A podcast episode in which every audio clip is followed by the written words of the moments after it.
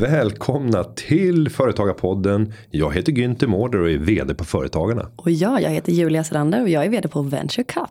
Och det här avsnittet ska vi i allt väsentligt ägna åt en fråga. Ja, vilken då?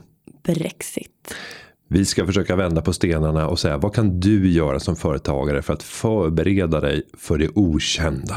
Mm. Den omöjliga uppgiften. Vi säger varmt välkommen till Företagarpodden. Podden som ska hjälpa dig som företagare att bli mer framgångsrik i din gärning.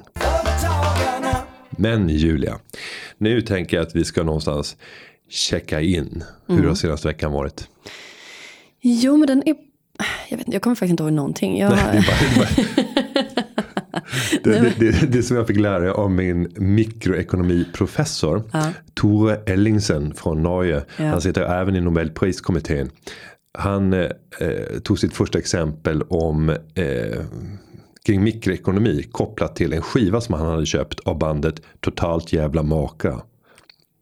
Totalt jävla mörker? Ja, totalt jävla mörker. Okay, yeah. Det är tydligen ett punkband och så berättar yeah. han om eh, utbud och efterfrågan kopplat till det eh, i Nacka på Nacka Forum. Och att mm. det var väldigt dåligt utbud. Och det här var ju, nu är vi tidigt 2000-tal. Man pratar om CD-skivor idag. Ja, Man skulle ja, köpa en CD-skiva av det bandet. Ja, totalt mörker. Va? Men hur kopplar du totalt jävla mörker till att jag inte kommer ihåg? Jag kommer inte ihåg någonting. Och det är, så här, det är helt, det helt Nej, tom. tvärtom. Jag är på väldigt glatt humör och känner mig eh, liksom ajour med vad jag ska göra. Det är bara att jag kommer absolut inte ihåg vad som hände förra veckan. Jo, det var ju deadline-vecka, det var därför. Det, vi, hela gänget på Venture Cup jobbade eh, around the clock. Eh, absolut mest mina kollegor. Men eh, vi fick in otroligt många härliga spännande idéer. Så att de ska ju nu då vidare till olika, först ska de screenas och sen ska de till jurygrupper och ditten och datten. Så att det är ju typ det som är det roligaste med vårt jobb. När man väl får se och så småningom också träffa de här entreprenörerna med idéerna. Så att eh, jag har ju tagit en kik på vilka som kommer bli nominerade. Mm. Mycket spännande, det ser lovande ut. Eh, så att, eh, jag kan återigen tipsa om att eh, gå in på venturecup.se och kolla efter regionfinalerna. För då får man ju träffa de här, eh, de här personerna. Så att eh, ja, det har varit intensivt. Sen har jag också använt helgen till att göra det som jag gör bäst. Sova. Nej, festa. Ja. ja. man måste ju, jag jobbar efter så här, om man jobbar stenhårt så måste man också få leka stenhårt. Work hard, play hard. Exakt, det är bra att du säger det på engelska nu när vi ska ha eh, tema special Brexit. Ja. Så du kan the language. Vad har du gjort? Eh, jag hade, vi har fortsatt med The Golden Key Challenge. Om vi ska fortsätta på det engelska temat. The Golden Key Challenge. Ja, jag har byggt upp en eh, en lev, tio levlar som min son ska klara för att erhålla den gyllene nyckeln. Och det är alltså nyckeln hem till mig. Och eh, därför ska man klara massor med olika steg. Och nu hade vi kommit till level enade vi om 5 till 7 i helgen. Och då innehöll det här momentet möjligheten att kunna tjäna massor med pengar samtidigt som man klarar ett komplicerat uppdrag. Mm. Det komplicerade uppdraget bestod i att ta ett halvårs samlande av tomburkar och pantflaskor och liknande. Eh, och det blev ungefär fyra stycken stora Ikea-kassar. Och då fick han gå i omgångar tillsammans med sin lilla syster ner till netto. Hur, bara för att återkoppla, hur gamla är de här barnen? Han är åtta år och syster är sex år. Mm, mm. Och då är det kanske 800-900 meter ner till netto. Och det är, man ska passera en livsfarlig väg. nej, nej.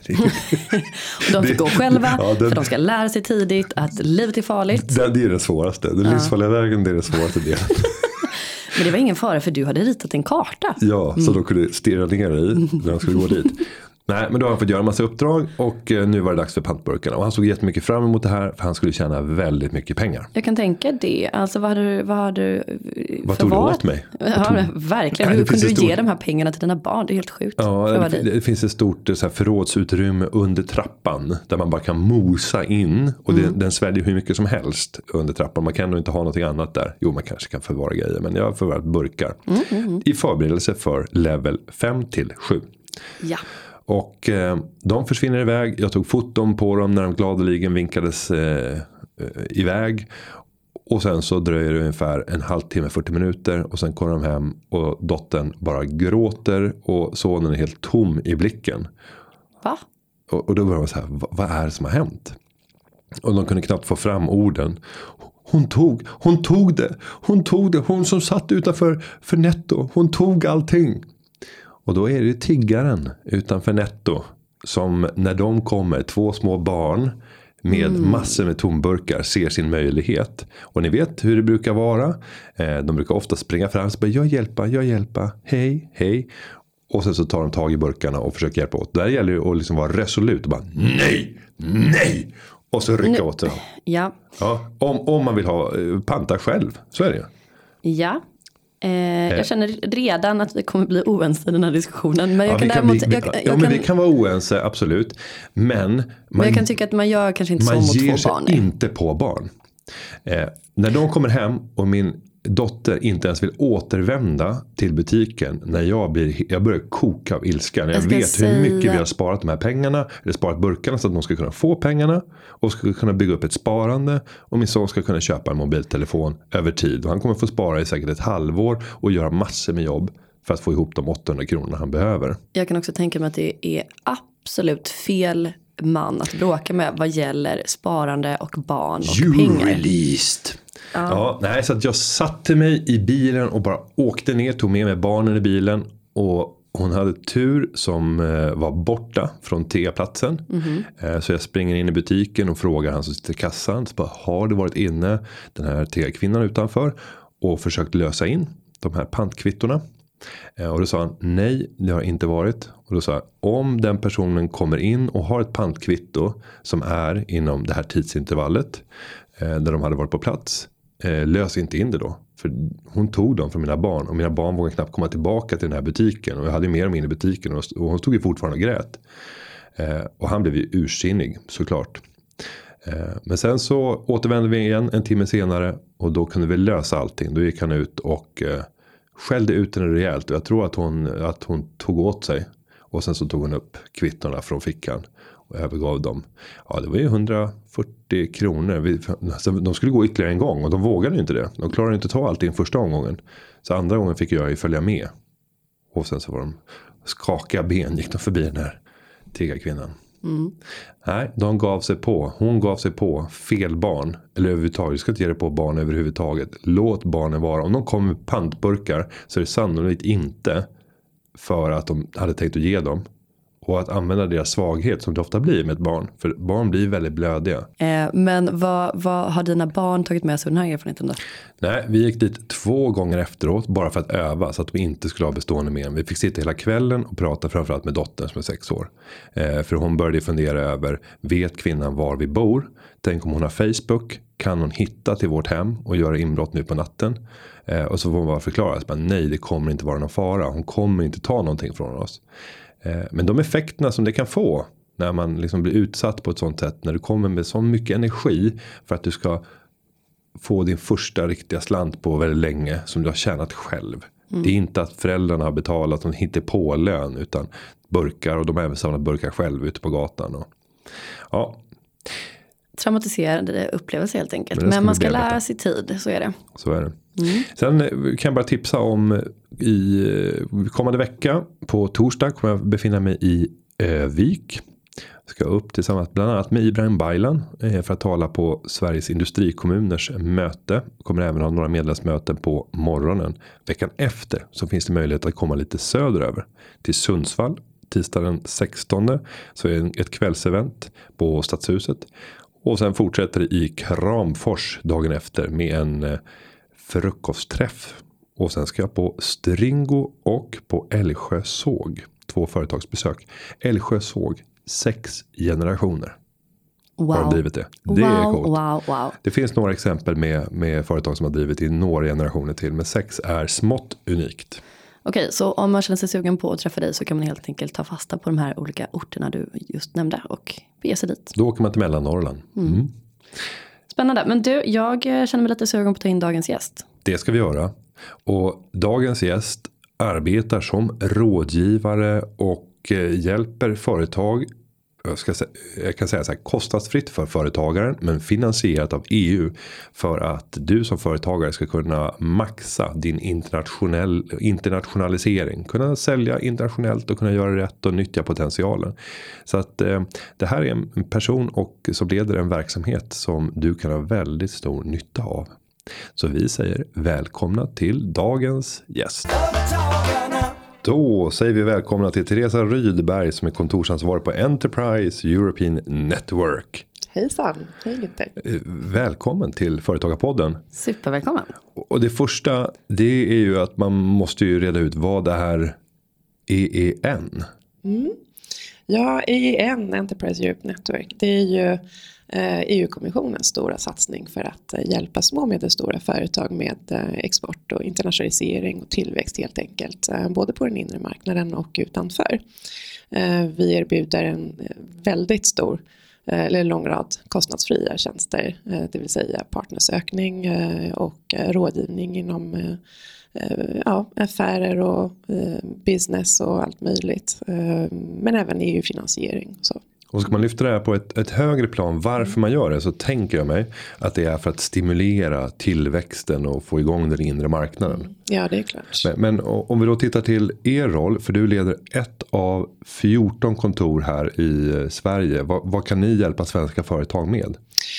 Um, ja, företag kan ju komma till oss med olika frågor, det vill säga eh, jag vill exportera eh, till um, Eh, Eh, Kina eller, eller någon annanstans. Eh, vad är det, vilka regler som gäller, hur mycket tull, vem är det som betalar tullen, ska jag ha avtal eller något sånt. Så det är ju en del av vår rådgivning. Sen kan det finnas andra eh, saker som vi kan hjälpa till, det vill säga jag eh, har en idé, jag behöver hjälp med att komma upp med min businessplan för internationalisering. Eh, så kan vi sätta oss ner och prata där också. Så kan vi hjälpa också med att hitta partners utomlands, det vill säga leverantörer och eller distributörer. Det låter ju fantastiskt. Mm. Mm. Så om man är sugen på det så kan man bara googla på EEN tänker jag. Absolut, mm. Enterprise Europe Network. Mm. Bra service, men idag ska vi prata om Brexit. Och, och, det är ju närmast omöjligt att göra det eh, och, och, kunna ha någonting som håller över tid för att det händer så mycket. Nu när vi spelar in det här så är det måndag morgon. Sändningen kommer att släppas på onsdag. Men om vi tar Måndag den 8 april. Var står vi just nu? Eh, vi står i ett väldigt luddigt eh, läge. Ehm, förra veckan har ju det brittiska parlamentet eh, röstat nej till de åtta olika alternativen. Så Theresa May tänker ju nu åka till Bryssel och be om en ny förlängning. Och så blir det ett toppmöte på, måndag, på onsdag. Eh, med eh, alla EU-ledare. Eh. Och det är svårt att förstå alla de här politiska krafterna. Men hur man kan bli nerröstad med, när man kommer med åtta olika förslag. Det känns som att det är en så här obstinat fyraåring som har bestämt sig för att eh, jag, jag tänker inte säga ja till något. Är det lite av den stämningen? Eh, det känns ju lite så just nu. Eh, det, det, är ju ingen som är nöjd med eh, någonting just nu. Så att, jo, det, och så det är så många olika politiska intressen som, som väger in. Både på den brittiska sidan och EU-sidan. Så det, det blir väldigt känsligt. För det var nästan två år sedan som britterna röstade ja. ja tre, tre till och med är det nu. Mm. Är det så pass? Mm. Tiden går fort. Ja. 23 tänker... juni 2016. Hmm. Gud, det känns som att det har hänt mycket sedan dess. Men hur förvånade blev ni att det blev ett ja? Eh, alltså jag kommer ihåg den, eh, den stunden jag satt på kontoret och, och blev helt paff. Eh, alltså, vi hade ju suttit och spekulerat och eh, jag reser ju ganska mycket ner till Bryssel och, och, och för att jobba så, så ingen trodde på det. Alla bara nej men det blir, det händer inte aldrig i livet skulle det här hända. Men eh, så kom eh, resultaten fram och vi bara satt där och helt alltså vi fattade inte vad som hände. Och, och ska man nu gå ner till eh, vår eh, målgrupp och de som sitter och lyssnar här. Mm. Så är det sannolikt företagare av olika slag. Om vi ska prata om först hur omfattande är vår handel med Storbritannien. För att förstå digniteten. Ja, det är ju, eh, alltså uppskattningsvis så är det ju eh, ungefär 100 000 svenska företag som kommer påverkas av, av Brexit. Um, så det är ju väldigt, väldigt mycket. Vi har ju, alltså Storbritannien är en av våra största partners. Eh, så att, eh, och sen på den inre marknaden så har ju Sverige 70% av exporten och inklusive eh, Storbritannien. Så det, det blir en stor, ja det blir ett, ett öppet sår där. Ehm, men inte bara på, på handelssidan men även på den politiska sidan på, i Bryssel. Vi tappar ju vår bästa kompis där som vikt i EU-förhandlingar. E så, så att, mm. Just det. Mm. Vad, vad är det viktigaste, om man ska ställa en väldigt generell och bred fråga, vad är det viktigaste man ska tänka på om man har business med Storbritannien just nu? Eh, man ska hålla sig uppdaterad. Det är, det är det största rådet jag kan ge just nu. Det, jag vet att det låter väldigt flummigt men man ska hålla sig uppdaterad om vad som händer. Eh, det kommer ju, det är många som frågar vad är skillnaden mellan en hård eller, eller mjuk Brexit och så vidare. Kommer det någon tull nu då om, om några veckor? Eh, jag har handelspartners där, hur ska jag hantera det? jag har lust att säga, okej okay, om det blir en hård Brexit, ja det blir tull då måste du ha koll på, din, på, på hur du hanterar tull. Eh, om det blir en mjuk Brexit så, så, så blir det en, en övergångsperiod på två år. Eh, och då, då kan man ta det lite lugnare så. Men eftersom möjligheten för en hård Brexit eh, den, den står ju här precis framför oss, typ två meter bort. Mm. Eh, så känns det väldigt eh, Jo, det, det, det, det vore bra om, om företag kunde liksom bara googla sig fram på, på Tullverkets sida och kolla lite hur det går till eh, för att eh, betala tullar och så. Mm. Och kan en strategi vara att titta på ett land som vi idag inte har mm. någon typ av, av frihandelsavtal med. Mm. Och sen säga att sannolikt så kommer ungefär samma regler. För då är det världshandelsorganisationens regler som tillämpas. Precis. Kan man tänka sig att Ungefär samma kommer det bli för Storbritannien ja. i ett sånt läge. Ja. Om det blir en hård Brexit så blir det ju eh, WTO-regler som kommer att gälla eh, från dag ett. Eh, om hård Brexit säger då. Eh, då blir det dessa regler. Eh, då kan man ju till exempel ta eh, ja, jag, sa, jag nämnde Kina nyss, vi har ju inget frihandelsavtal med Kina. Så det blir ju ungefär samma regler där. Mm. Och det, det kan väl vara en bra övning att göra. Mm. Och sen så, eh, jag misstänker att det är många som kanske bara tänker utifrån sitt eget perspektiv och ser att jag betalar ingen faktura i pund. Mm. Eh, och, och, jag har ingen brittisk eh, mottagare när jag säljer mina produkter eller, eller tjänster. Och så tänker man att jag kommer inte att beröras. Men hur ska man se på de här olika leden? Det kan ju vara så att tidigare i din leveranskedja så finns det flera mm. saker som har levererats. Precis. Och även efter i din kedja och så kommer det påverkas av, av förändringar.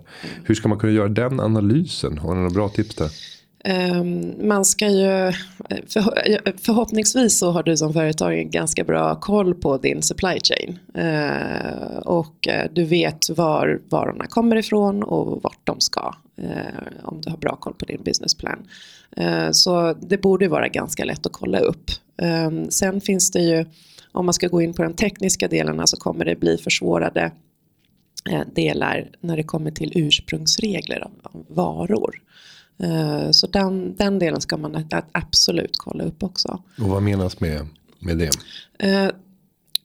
Okej, okay, vi kan ta ett exempel lite så här. Um, om man har, eh, om man har en penna till exempel. Eh, nu tar jag det första föremålet som finns här på bordet framför mig. Om du har en penna och säljer den. Eh, du har en leverantör i, utanför EU, vi säger Indien, eh, som, eh, eh, som, som tillverkar vad heter det, en del av pennan här, plastbiten, kroppen. Mm. Och så har en annan tillverkare inom EU, till exempel i Spanien, som Eh, som eh, tillverkar kulspetsen. Vi, alltså nu, mm. nu hittar jag på.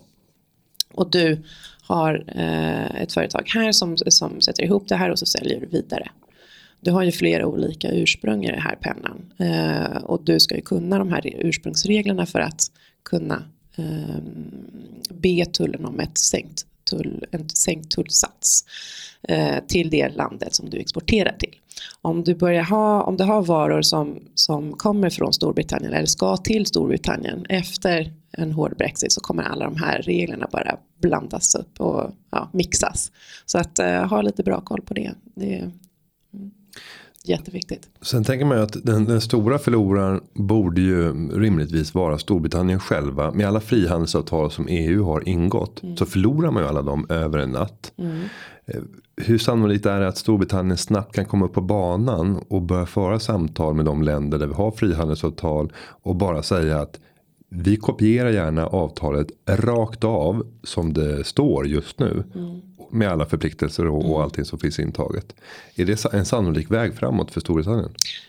Det är en sannolik väg, ja. Eh, skillnaden, alltså det finns ju två Alltså, om man pratar om, om Storbritanniens eh, relationer, handelsrelationer uh, till andra länder än EU så finns det ju väldigt stora politiska tyngder här. USA har ju då Eh, nu sagt att om, om Storbritannien inte eh, flyttar sig iväg från EU så kommer deras förhandlingar bli försvårade och så.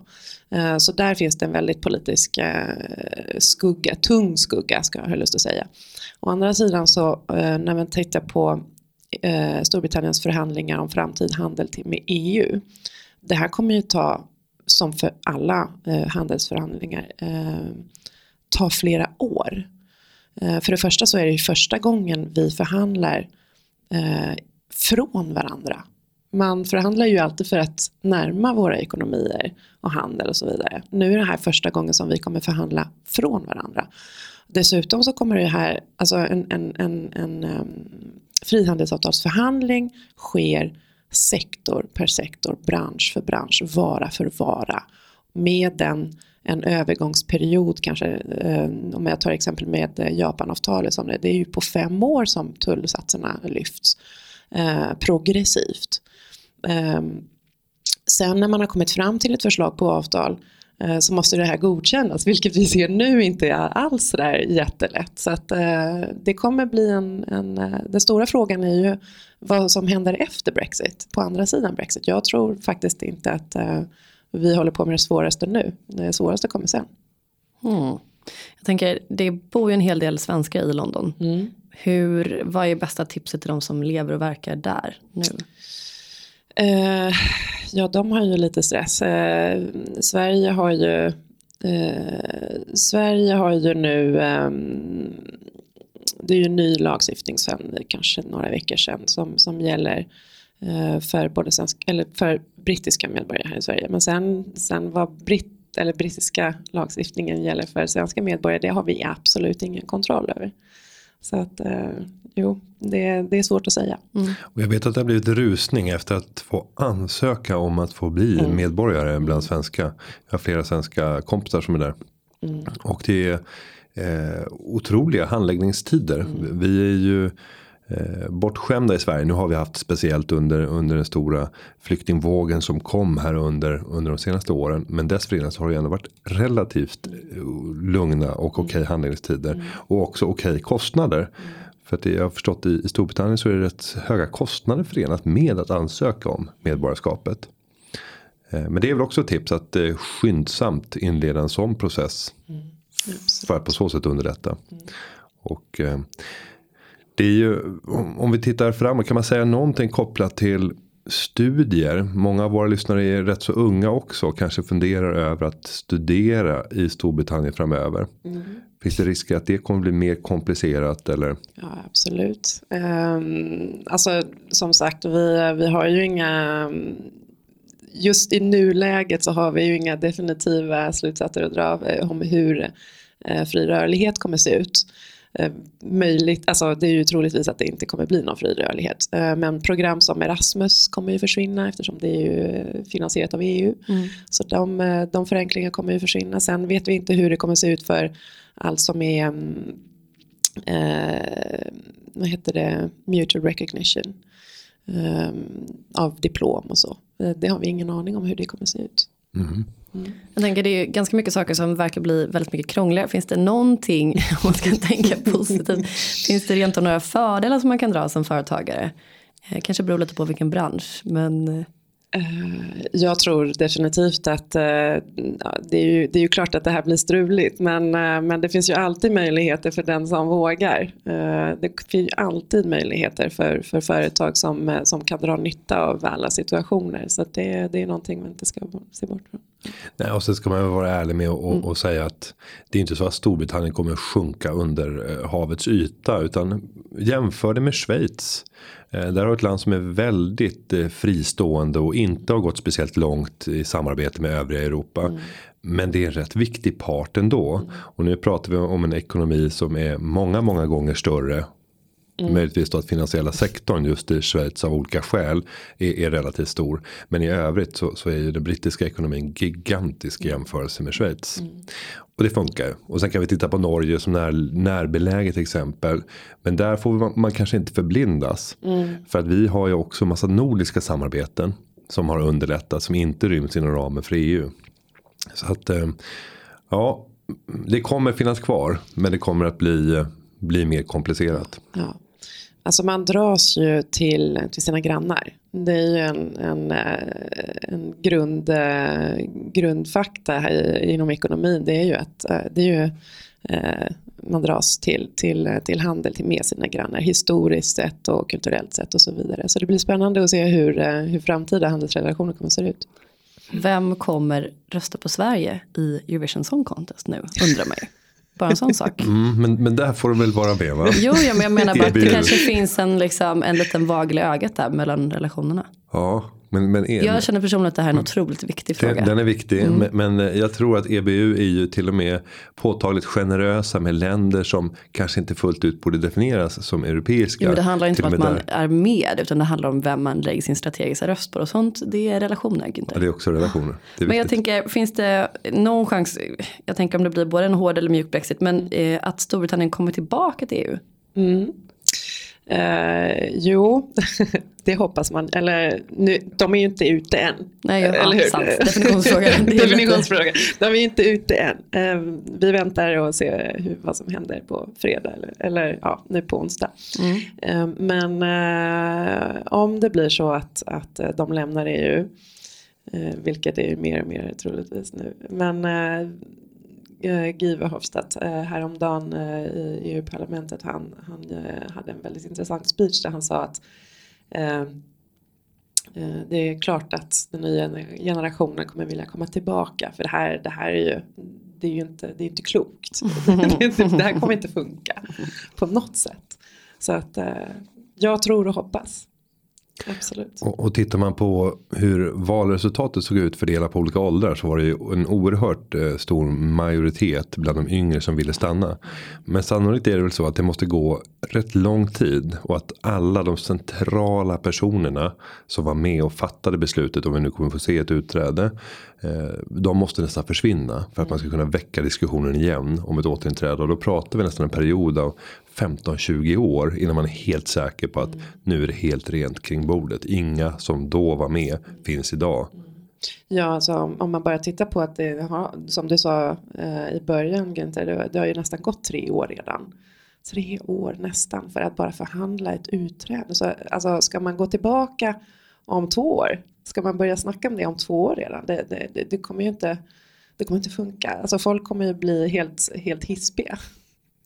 Och, och, det är ju också intressant att lyfta vilka det är idag som sitter och förhandlar. Mm. För jag menar, det var Cameron som utlyste det här. Var är Cameron idag? Jag menar, han finns inte vid bordet. Mm. Eh, du hade de två främsta motståndarna i Boris Johnson och mm. Nigel Farage. Mm. Eller Farage, hur säger man?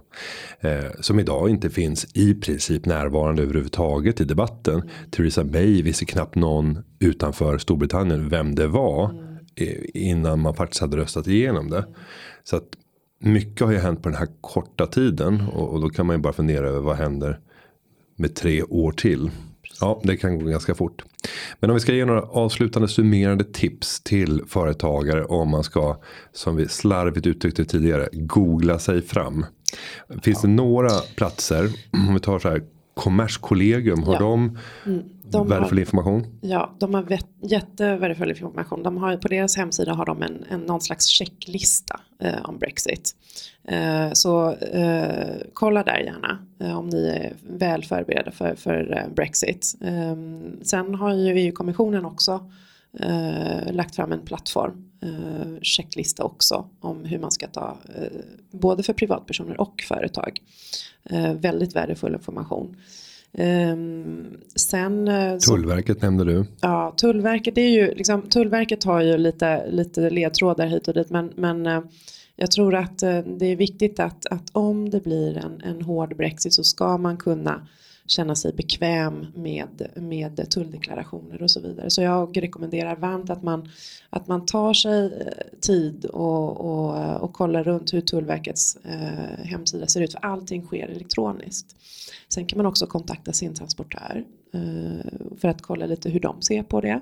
De är ju vana eh, med, eh, med tullrepresentation och så. Så att eh, ta ett snack med er partner där. Och så självklart så kan ni ju kontakta oss om ni har frågor eh, om eh, moms och, och tullregler och allt möjligt. Om ni har frågor kring Brexit så får ni jättegärna kontakta oss.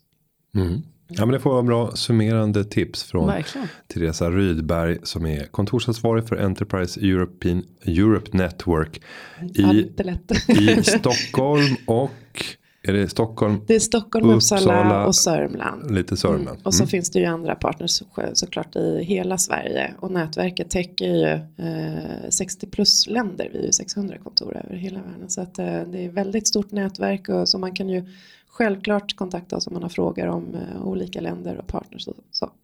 Och, då Wow. kan, och då kan vi också säga att företagarna är ju också värd Ja. för det kontoret som Teresa leder. Så det sitter på rikskontoret i Stockholm hos företagarna. Yes.